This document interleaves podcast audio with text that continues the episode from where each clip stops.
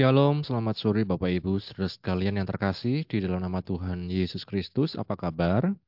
Puji Tuhan, di sore hari ini kita kembali bertemu dalam program belajar bareng Tabernakel. Sebelum kita belajar firman Tuhan lebih lanjut, mari sama-sama kita berdoa. Bapak kami bersyukur untuk kesempatan yang kau beri kepada kami di sore hari ini untuk belajar dari firman-Mu. Bukalah hati dan pikiran kami, mampukan kami memahami firman-Mu Tuhan dan biarlah roh kudus mengajar kami, memampukan dan menguatkan kami untuk melakukan firman-Mu. Terima kasih, kami bersyukur dalam nama Tuhan Yesus kami berdoa, haleluya, amin. Puji Tuhan, Bapak Ibu, Saudara sekalian, kita bersyukur pada Tuhan, kesempatan yang masih Tuhan berikan dalam kehidupan kita untuk sama-sama saling belajar, saling sharing ya firman Tuhan. Dan kita akan masuk di episode yang ke-51. Dalam episode ini spesial Bapak Ibu, karena saya akan menjawab komentar atau pertanyaan yang ada di kolom komentar di YouTube ya. Jadi menjawab pertanyaan tentang baptisan Roh Kudus. Nanti kita akan melihat bersama. Dan di waktu yang lalu kita sudah belajar tentang proses untuk mendapat hasil yang terbaik proses untuk mendapat hasil yang terbaik. Kita melihat di keluaran pasal 36 ayat yang ke-8, lalu semua ahli di antara tukang-tukang itu membuat kemah suci dari sepuluh tenda dari lenan halus yang dipental benangnya, dan dari kain ungu tua, kain ungu muda, dan kain kirmizi dengan ada kerupnya. Buatan ahli tenun dibuat orang semuanya itu. Nah, kita melihat Bapak Ibu, lenan atau linen ini merupakan dikatakan bahan kain yang dibuat dari rami halus, kuat, tampak berkilat, dan dingin apabila dipakai. Ini pengertian dari Kamus Besar Bahasa Indonesia. Proses pembuatannya kita melihat di waktu yang lalu sudah kita melihat bersama lewat klip di YouTube ya Bapak Ibu bagaimana prosesnya itu cukup panjang dan membutuhkan ketelitian, dedikasi yang luar biasa dari para pembuatnya tentang lenan. Dan tenun atau tenunan merupakan hasil kerajinan yang berupa bahan kain yang dibuat dari benang, kapas, sutra, dan sebagainya dengan cara memasukkan pakan secara melintang pada lungsin, abah-abah, alat perkakas. Ya kita melihat maka ada industri tenun dan lain sebagainya. Artinya ini pun merupakan proses yang panjang. Jadi Bapak Ibu, saudara sekalian kalau dikatakan tadi 10 tenda dari lenan halus dipintal benangnya. Kita membayangkan satu proses yang panjang membutuhkan ketelitian, keseriusan dalam mengerjakannya.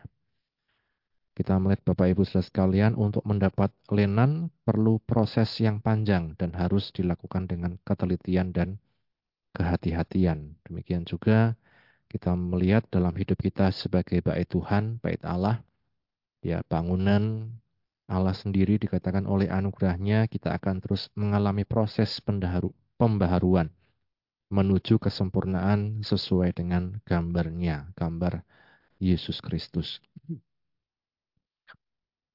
Nah, Bapak Ibu saudara sekalian, dan itu sepintas tentang episode yang lalu. Dan saat ini kita melihat ada kita akan menjawab pertanyaan tentang baptisan Roh Kudus. Kenapa demikian? Karena kita melihat di waktu yang lalu ada yang bertanya Bapak Ibu. Ed Andreas Abidin 1701 di eh, episode 50 ya, dalam kolom komentarnya ada yang bertanya, mau tanya Bapak Pendeta Yesaya dari pelajaran Tabernakel Masuk ruang kudus syaratnya harus sudah dibaptis roh kudus. Saya dari aliran metodis, ini salah satu aliran dalam kekristenan. Baptis roh kudus cukup dengan doa minta sama Tuhan Yesus, atau harus ada penumpangan tangan dari hamba Tuhan yang tentunya sudah dibaptis roh kudus, seperti di kisah para rasul. Ya, ini Bapak Ibu sudah sekali menjadi pertanyaan dan saya tidak jawab di kolom komentar karena tentu cukup panjang dan nanti kurang ya.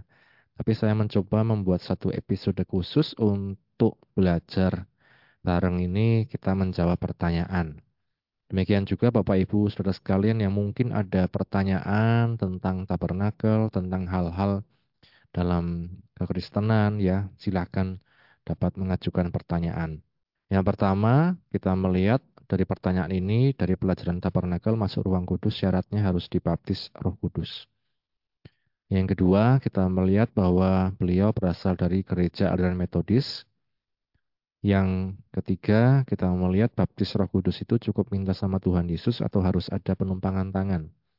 Seperti di kisah para rasul. Bapak Ibu saudara sekalian, kalau kita belajar tabernakel, seperti yang sering kali kita ulang-ulang, ini merupakan satu petunjuk atau gambaran besar ya Bapak Ibu saudara sekalian. Seringkali orang kemudian uh, terjebak dengan kata-kata, misalnya syarat. Ya, kayak tadi kan syarat seakan-akan ini kalau bicara syarat ini syariat yang harus kemudian menjadi kaku dan lain sebagainya. Kita melihat Bapak Ibu di pintu gerbang itulah percaya pada Tuhan Yesus. Ini gambaran Bapak Ibu sudah sekalian. Jadi ini terjadi Bapak Ibu bukan dengan satu apa ya tatanan yang kita pikir kita bisa uh, menatanya secara sistematis dalam kehidupan kita, tapi sering kali merupakan satu pengalaman hidup. Nah, pintu gerbang saat kita percaya Yesus, kemudian di halaman ada mesbah korban bakaran, menunjukkan korban Kristus yang terus kita ingat, yang terus kita peringati, kita hargai, karena ini yang menebus dosa setiap kehidupan kita, menjadikan kita milik kepunyaan Tuhan sendiri, kemudian masuk di kolam pembaptisan air, Kemudian masuk di kolam pembasuhan, di sana berbicara tentang baptisan air, uh, tanda menanggalkan manusia lama, mengenakan manusia baru yang terus-menerus diperbaharui. Nah, kemudian yang menjadi pertanyaan pintu kemah. Ketika di pintu kemah ini, ini melambangkan baptisan roh kudus. Jadi, roh kudus yang memampukan kita untuk hidup dalam kekudusan. Ada meja roti pertunjukan atau meja roti sajian berbicara tentang hidup yang dipenuhi firman Tuhan. Ada pelita yang berbicara tentang hidup yang menjadi terang oleh kuasa roh kudus dan firman-Nya. Ada mesbah dupa yang kemudian ini menggambarkan kehidupan doa dan penyembahan di hadapan Tuhan. Bukan hanya di waktu kita beribadah, tetapi dalam setiap hari, dalam bekerja, dalam sekolah, kuliah. Itu pun merupakan satu doa kepada Tuhan.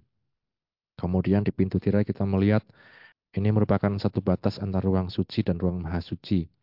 Dan saat Yesus tersalib di kayu salib, pintu tirai di bait suci terbelah menjadi dua, pintu yang sangat tebal yang sering kali melambangkan kemanusiaan, kedagingan kita sebagai manusia yang tidak dapat melakukan kehendak Bapa dengan kekuatan kita sendiri. Ya, tetapi oleh korban Kristus pintu tirai ini terbelah menjadi dua sehingga dikatakan kita bisa menghampiri tata kasih karunia Allah ruangan maha suci, tabut perjanjian di sana uh, melambangkan bagaimana relasi yang intim ya, kemuliaan Tuhan yang begitu luar biasa dan manusia dapat masuk ketika beriman kepada Yesus Kristus sebagai Tuhan. Bapak Ibu kalau kita berbicara tentang syarat, tentu kemudian ruangan-ruangan ini serta halaman ini merupakan satu gambaran utuh kemah suci dan semua ini sejatinya adalah karya Yesus dalam kehidupan orang percaya. Menggambarkan karya Yesus yang adalah pintu, Yesus yang menjadi korban, dan sebagainya. Dan kalau kita berbicara tentang syarat dalam kebenaran, Bapak Ibu Saudara sekalian, sejatinya ini merupakan gambaran kehidupan kita sebagai orang percaya. Jadi kemudian tidak dikatakan sebagai saklek gitu ya. Kemudian belajar apa sebenarnya baptisan Roh Kudus itu. Baptis Roh Kudus itu apa? Ini kan yang menjadi pertanyaan dalam kehidupan kita sebagai orang percaya. Nah, jadi yang pertama tentang syarat bahwa kemudian jangan sampai kita menjalani hidup kekristenan itu seperti syariat ya, maksudnya segala sesuatu dihantui atau dikelilingi oleh syarat. Tapi yang pertama ketika kita masuk pintu gerbang itu adalah anugerah Tuhan dalam kehidupan orang percaya anugerah Tuhan yang ditunjukkan lewat apa di sini? Korban Kristus. Kemudian menanggalkan manusia lama, mengenakan manusia baru. Kemudian siapa yang membaptis Roh Kudus dikatakan Yesus. Jadi kalau kita berbicara tentang syarat Bapak Ibu Saudara sekalian seakan-akan manusia yang mengusahakannya. Tapi dikatakan kitalah sebenarnya yang diberikan anugerah oleh Yesus, oleh Tuhan Yesus untuk menerima Roh Kudus dan kita dimampukan untuk hidup sesuai kebenaran firman-Nya oleh anugerah Tuhan, oleh tuntunan Roh Kudus. Nah, maka saya katakan di episode 2, belajar tabernakel episode 2, hati-hati jangan sampai kita belajar tabernakel kemudian merasa tingkat rohaninya lebih tinggi dan lebih suci dari orang lain. Ini yang kita perlu hati-hati. Kalau kita konsep dalam hidup kita, ya kadang ada orang belajar tabernakel seperti itu merasa sudah di satu tahap, merasa sudah di satu titik, akhirnya kemudian justru yang outputnya merasa tingkat rohaninya lebih tinggi dan lebih suci dari yang lain. Yang kedua, dia rendah diri. Rendah diri ketika, wah saya kok belum mengalami ini, saya kok belum bisa ini, akhirnya dia rendah diri. Wah saya merasa tidak layak di hadapan Tuhan, dan lain sebagainya. Ini Bapak Ibu. Padahal kembali kita melihat semua adalah karya anugerah Tuhan Yesus dalam kehidupan kita. Jadi kita melihat ini ketika kita belajar tabernakel, output kita seharusnya menjadi orang yang lebih bersyukur dan rendah hati ya dalam menjalani hidup ini karena kita percaya semua adalah anugerah Tuhan. Nah, kemudian yang kedua tentang baptisan Roh Kudus Bapak Ibu Saudara sekalian. Di episode yang keenam, kalau tentang pintu kemah itu saya pernah membahas dalam uh, episode 6 Apakah kita sudah mengalami baptisan Roh Kudus yang ditandai dengan apa? Pengalaman dan pengenalan yang terus bertumbuh. Jadi Bapak Ibu Saudara sekalian ketika kita mengalami baptisan Roh Kudus dikatakan ada satu pengalaman dan pengenalan yang terus bertumbuh kepada Tuhan. Ya, kalau orang katakan juga ada yang mengistilahkan dengan cinta mula-mula kepada Tuhan. Baptisan Roh Kudus. Kemudian yang kedua, ada kesadaran untuk mau hidup kudus. Dalam arti berbeda, terpisah, ya, tidak melakukan hal-hal yang uh, membawa kepada dosa dan lain sebagainya. Seperti di 1 Petrus 2 ayat 9 sampai 10.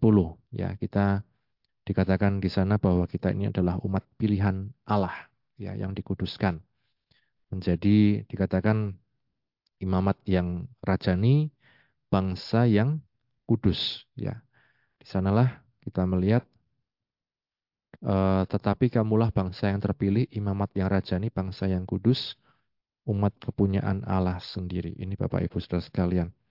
Artinya seperti kata gereja, eklesia, terpisah, dipisahkan. Di 1 Petrus 2 ayat 9 dan 10.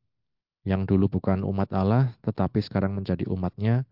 Yang dulu bukan yang dulu tidak dikasihani tetapi yang sekarang beroleh belas kasihan.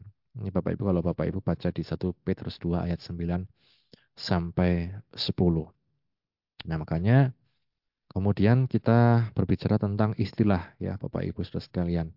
Seringkali orang uh, kepentok ya masalah istilah baptisan Roh Kudus itu gimana, kemudian kepenuhan Roh Kudus itu gimana dan lain sebagainya. Nah, kalau kita melihat seperti ini Bapak Ibu orang Pantai Costa dan karismatik menafsirkan ya ini kebanyakan ya Bapak Ibu bahwa orang yang sudah menerima Yesus dan dibaptis dalam nama Allah Tritunggal masih harus menerima baptisan Roh Kudus lagi sebagai sesuatu yang disebut sebagai second blessing. Ya. Nah, kemudian kata-kata ini kan sering kali menjadi satu hal yang rancu. Misalnya harus ya kemudian dan lain sebagainya. Padahal ini sekali lagi anugerah. Memang benar bahwa dalam doktrin atau teologi sebagian besar Pantai Costa karismatik ya termasuk ya GPGH ya termasuk kan gereja Pantai Costa bahwa baptisan Roh Kudus adalah pengalaman yang berbeda dengan ketika orang dibaptis air misalnya.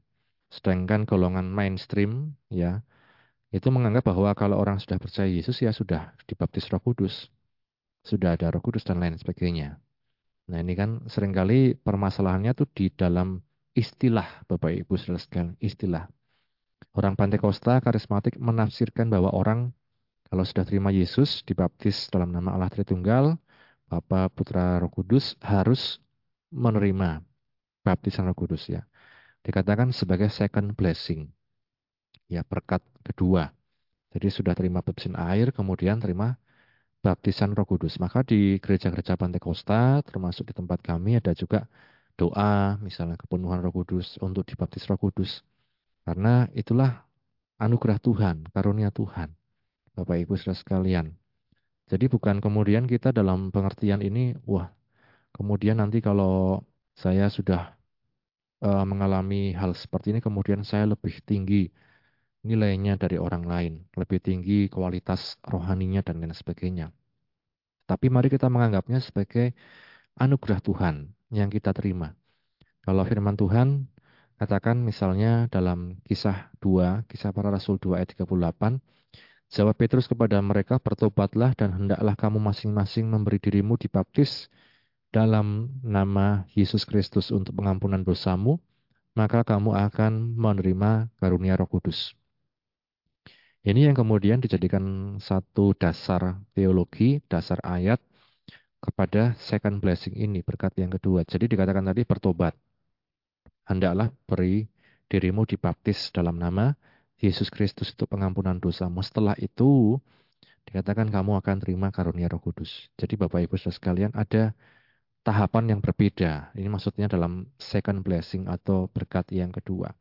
Kita percaya oleh anugerah Tuhan dan kemudian kita terima baptisan Roh Kudus, kepenuhan Roh Kudus dalam kehidupan kita itu pun anugerah Tuhan. Nah, kemudian pertanyaan tadi, apakah kemudian kalau orang dibaptis Roh Kudus itu hanya bisa dengan berdoa kepada Tuhan Yesus, atau kemudian harus ada penumpangan tangan dan lain sebagainya. Bapak Ibu kalau dikatakan dalam firman Tuhan, Yesus itu adalah pembaptis. Ya, ia akan membaptis kamu dengan Roh Kudus. Ya, kalau kita lihat Bapak Ibu di Matius 3 ayat 11 misalnya, Aku akan membaptis kamu dengan air sebagai tanda pertobatan. Tetapi ini uh, Yohanes Pembaptis ya. Akan tetapi ia, Yesus, yang datang kemudian daripadaku, lebih berkuasa daripadaku, dan aku tidak layak melepaskan kasutnya. Ia akan membaptiskan kamu dengan roh kudus dan dengan api. Ya. Jadi ini Bapak Ibu sudah sekalian dikatakan, Yesus itu yang membaptis kita dengan roh kudus dan dengan api. Jadi bukan hamba Tuhan, bukan pendeta siapa, tetapi Yesuslah yang membaptis kita dengan roh kudus.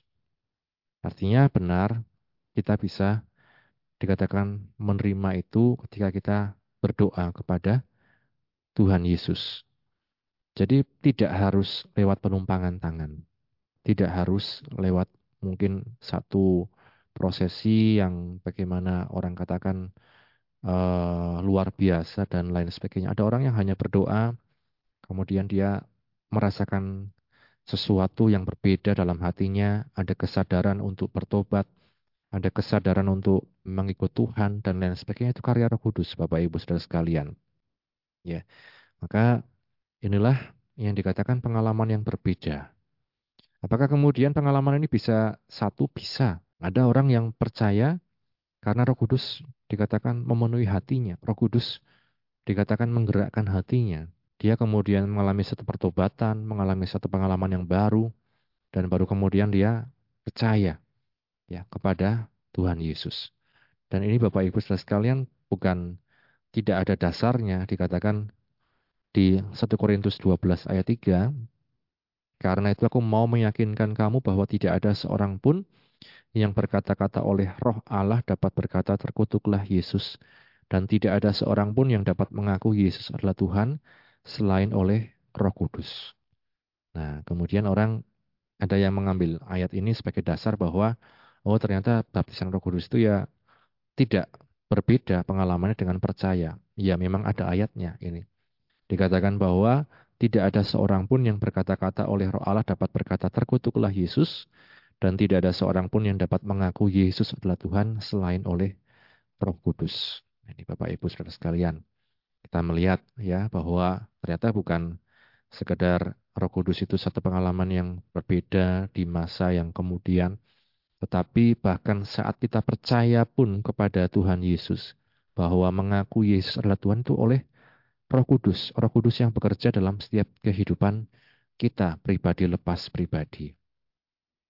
Kemudian di Ibrani 10 ayat 19 sampai 20 dikatakan, jadi saudara-saudara oleh darah Yesus kita sekarang penuh keberanian dapat masuk ke dalam tempat kudus. Ayat 20, karena ia telah membuka jalan yang baru dan yang hidup bagi kita melalui tabir, yaitu dirinya sendiri. Kuncinya siapa? Yesus. Jadi Bapak Ibu kalau melihat tabernakel, bukan kemudian kita hanya sekedar melihat step-step, langkah-langkah, alat-alat, dan lain sebagainya. Tetapi dikatakan, inilah karya Yesus yang besar dalam kehidupan kita. Sejatinya tabernakel itu menggambarkan karya Yesus yang luar biasa. Dia datang ke dalam dunia ini, dia berkorban, mengorbankan dirinya, tubuhnya sebagai tebusan untuk kita sekalian. Dia membaptis kita dengan roh kudus. Dia menguatkan kita, bahkan dia membuka jalan yang baru kepada Bapa di surga. Ya, ini dikatakan sekarang kita penuh keberanian dapat masuk ke dalam tempat kudus. Jadi Bapak Ibu, oleh anugerah Tuhan, kita bisa hidup dalam kebenaran. Oleh anugerah Tuhan, kita bisa masuk ke tempat kudus. Dan itu tidak menunjukkan bahwa kita hebat, tidak menunjukkan bahwa kita ini luar biasa, tidak menunjukkan kita ini level rohaninya lebih dari yang lain. Ya, Bapak Ibu saudara sekalian. Maka sering kali kita bisa berbeda pendapat tentang istilah baptisan Roh Kudus. Tapi kita melihat sejatinya Roh Kudus terus berkarya dalam kehidupan orang percaya, bahkan sejak proses ia percaya kepada Tuhan Yesus. Di 1 Korintus 12 tadi katakan tidak ada seorang pun dapat berkata Yesus adalah Tuhan selain oleh Roh Kudus. Dalam khotbah Petrus di kisah Rasul 2 dikatakan, bertobatlah maka kamu akan menerima karunia roh kudus. Ada yang menganggapnya sebagai second blessing, pengalaman yang berbeda. Ada yang menganggapnya sebagai satu kesatuan saat orang percaya, bertobat kepada Tuhan. Nah, Bapak Ibu Saudara sekalian, itulah yang namanya penafsiran. Dan lebih dari itu, saya katakan bahwa apakah kita mengalami hal ini? Ini kan yang penting dalam kehidupan kita. Apakah kita mengalami Ya. Saat kita bertobat kemudian ada pengalaman baru bersama Roh Kudus atau kita mengalami satu perubahan dalam hati kita, kecenderungan hati kita yang dulu jahat kemudian sekarang berubah, kemudian kita bertobat pada Yesus, percaya pada Tuhan Yesus. Nah, ini Bapak Ibu. Ada yang menganggapnya sebagai pengalaman baru, ada yang menganggapnya sebagai satu kesatuan saat orang percaya. Nah, orang kebanyakan pantai Costa karismatik, mereka menganggapnya second blessing, pengalaman yang berbeda. Nah ini Bapak Ibu saudara sekalian. Apakah kita menyadari karya roh kudus dalam kehidupan kita? Apakah kita juga rindu untuk mengalami pengalaman bersama roh kudus seperti para murid dan jemaat mula-mula? Nah, kita melihat apakah kita sadar kalau kita bisa percaya pada Tuhan Yesus itu itulah karya Roh Kudus dalam kehidupan kita. Yang kedua, apakah kita juga memiliki kerinduan mengalami pengalaman berbeda. Ya. Pengalaman bersama Roh Kudus seperti para murid misalnya, mereka di loteng di kisah para rasul pasal 2 mengalami dipenuhi Roh Kudus, ada juga yang mengatakan istilahnya dibaptis Roh Kudus. Ya. Di dalam teks-teks lain juga dikatakan ketika Paulus menumpangkan tangan murid-murid di Efesus mengalami kepenuhan Roh Kudus dengan tanda bahasa lidah dan lain sebagainya. Jadi ada banyak Bapak Ibu Saudara sekalian berbagai macam cara dan di Alkitab itu semua dicatat. Ya, maka ada orang yang kemudian menggunakan ini sebagai oh ini dasarnya, ini dasarnya dan lain sebagainya. Masalahnya adalah pengalaman orang kita melihat berbeda-beda. Tapi kita dapat melihat satu kesatuan yaitu ada kerinduan kepada Tuhan lebih lagi. Kerinduan kepada Tuhan, hadirat Tuhan dan tidak lagi berkanjang atau tidak lagi hidup dalam dosa, tetapi ada kesadaran meninggalkan dosa, pengalaman yang baru bersama Roh Kudus. Ini Bapak Ibu. Dan pada akhirnya kita melihat yang orang lain lihat dalam hidup kita adalah buah roh. Kasih, sukacita, damai sejahtera, kebaikan, kesabaran, ya, dan kelemah lembutan, pengendalian diri, dan lain sebagainya. Bukan sekedar karunia atau berbagai manifestasi. Dan ini yang sebagai tambahannya Bapak Ibu. Zaman sekarang ada orang sangat mementingkan manifestasi atau karunia. Sampai-sampai kemudian ada orang yang bahasa roh sampai diajarkan bahasanya. Ini katakan seperti ini. diajarkan Bapak Ibu. Padahal itulah karunia diberikan Tuhan. Tidak bisa diajarkan. Maksudnya kata perkatanya seperti ini dan lain sebagainya. Ada yang sampai kemudian mengagungkan manifestasi dan lain sebagainya. Atau uh, satu hal-hal ilahi yang tampaknya keren ya, yang merupakan diklaim sebagai pekerjaan Roh Kudus dan lain sebagainya. Tapi Bapak Ibu Saudara sekalian lebih dari itu, kalau saya katakan bahwa Tuhan rindu untuk kita dalam hidup ini ada buah roh. Bukan sekedar berfokus pada istilah baptisan roh kudus, kemudian kepenuhan roh kudus, tanda-tanda, dan lain sebagainya. Tetapi apakah ada buah roh kudus dalam kehidupan kita? Ada kasih, ada pengampunan, pengendalian diri, dan lain sebagainya. Maka kalau kita kembali kepada pertanyaan tadi, Bapak Ibu Saudara sekalian, eh, syaratnya harus dibaptis Roh Kudus. Ini sebenarnya bukan kemudian dikatakan seperti syariat itu ya, tapi justru Yesuslah yang oleh anugerahnya membaptis kita dengan Roh Kudus. Kemudian kita dilayakkan masuk ke ruang-ruang itu, ruang suci, ruang maha suci, kalau dalam gambaran tabernakel oleh anugerah Tuhan Yesus, bukan oleh kekuatan dan kehebatan perbuatan kita sendiri. Kemudian baptis Roh Kudus cukup doa minta Tuhan Yesus atau harus ada penumpangan tangan? Doa pada Tuhan Yesus. Itu sudah lebih dari cukup ya kalau saya katakan. Ketika kita sungguh-sungguh dikatakan dalam satu kesungguhan, kesungguhan kita pun itu digerakkan oleh Roh Kudus. Dan kita minta dikatakan ada satu pengalaman. Ya orang-orang di kisah Rasul misalnya mereka ada yang mengalami terharu ya di kisah Rasul 2. Karena apa? Sadar dosa-dosanya. Jadi ini tandanya sadar dosa-dosanya dan mau bertobat. Ya, kemudian ada yang juga ditandai dengan bahasa lidah, ada yang ditandai dengan mujizat dan lain sebagainya, berbagai macam cara. Ya, jadi tidak harus ada penumpangan tangan. Iman kita dan anugerah Tuhan itu yang bekerja Bapak Ibu Saudara sekalian. Dan karenanya seperti tadi yang orang lihat justru bukan yang rohani-rohani tetapi justru yang orang lihat sehari-hari adalah buah roh kita. Apakah ada kasih, sukacita, damai sejahtera, lemah lembutan, kesabaran, dan lain sebagainya. Ini Bapak Ibu sudah sekalian dan khususnya untuk Bapak uh, Abidin tadi ya yang bertanya semoga menjawab. Dan bagi Bapak Ibu sudah sekalian yang ingin bertanya tentang berbagai macam hal yang lain, silahkan tulis di kolom komentar ya, baik di tayangan ini maupun di tayangan-tayangan sebelumnya. Maka admin akan memberitahukan kepada kami dan kami akan mencoba belajar kembali dan menjawab ya. Demikian firman Tuhan, demikian perenungan kita pada sore hari ini kiranya memberkati untuk kita sekalian. Mari sama-sama kita berdoa. Bapak, kami bersyukur penyertaan-Mu dalam program belajar bareng Tabernakel kali ini Tuhan. Kami bersyukur untuk setiap pertanyaan dan untuk kami terus belajar Tuhan bahwa kami hidup hanya oleh anugerah-Mu. Dan Engkau yang memampukan kami untuk hidup Tuhan sesuai dengan kebenaran-Mu. Dan Roh Kudus itu pun Engkau anugerahkan pada setiap kami untuk menolong kami karena kami lemah tanpa Engkau ya Tuhan. Memampukan kami hidup dalam kebenaran firman-Mu, menjadi orang-orang yang menghasilkan buah untuk kehidupan yang kekal dan yang memberkati setiap sesama kami. Terima kasih, berkatilah setiap anak-anakmu yang sudah mendengar firman-Mu, Apa pun yang menjadi pergumulan kami, Engkau yang menolong. Kami bersyukur, ini doa kami dalam nama Tuhan Yesus yang berdoa, haleluya. Amin. Puji nama Tuhan, Tuhan Yesus memberkati kita sekalian.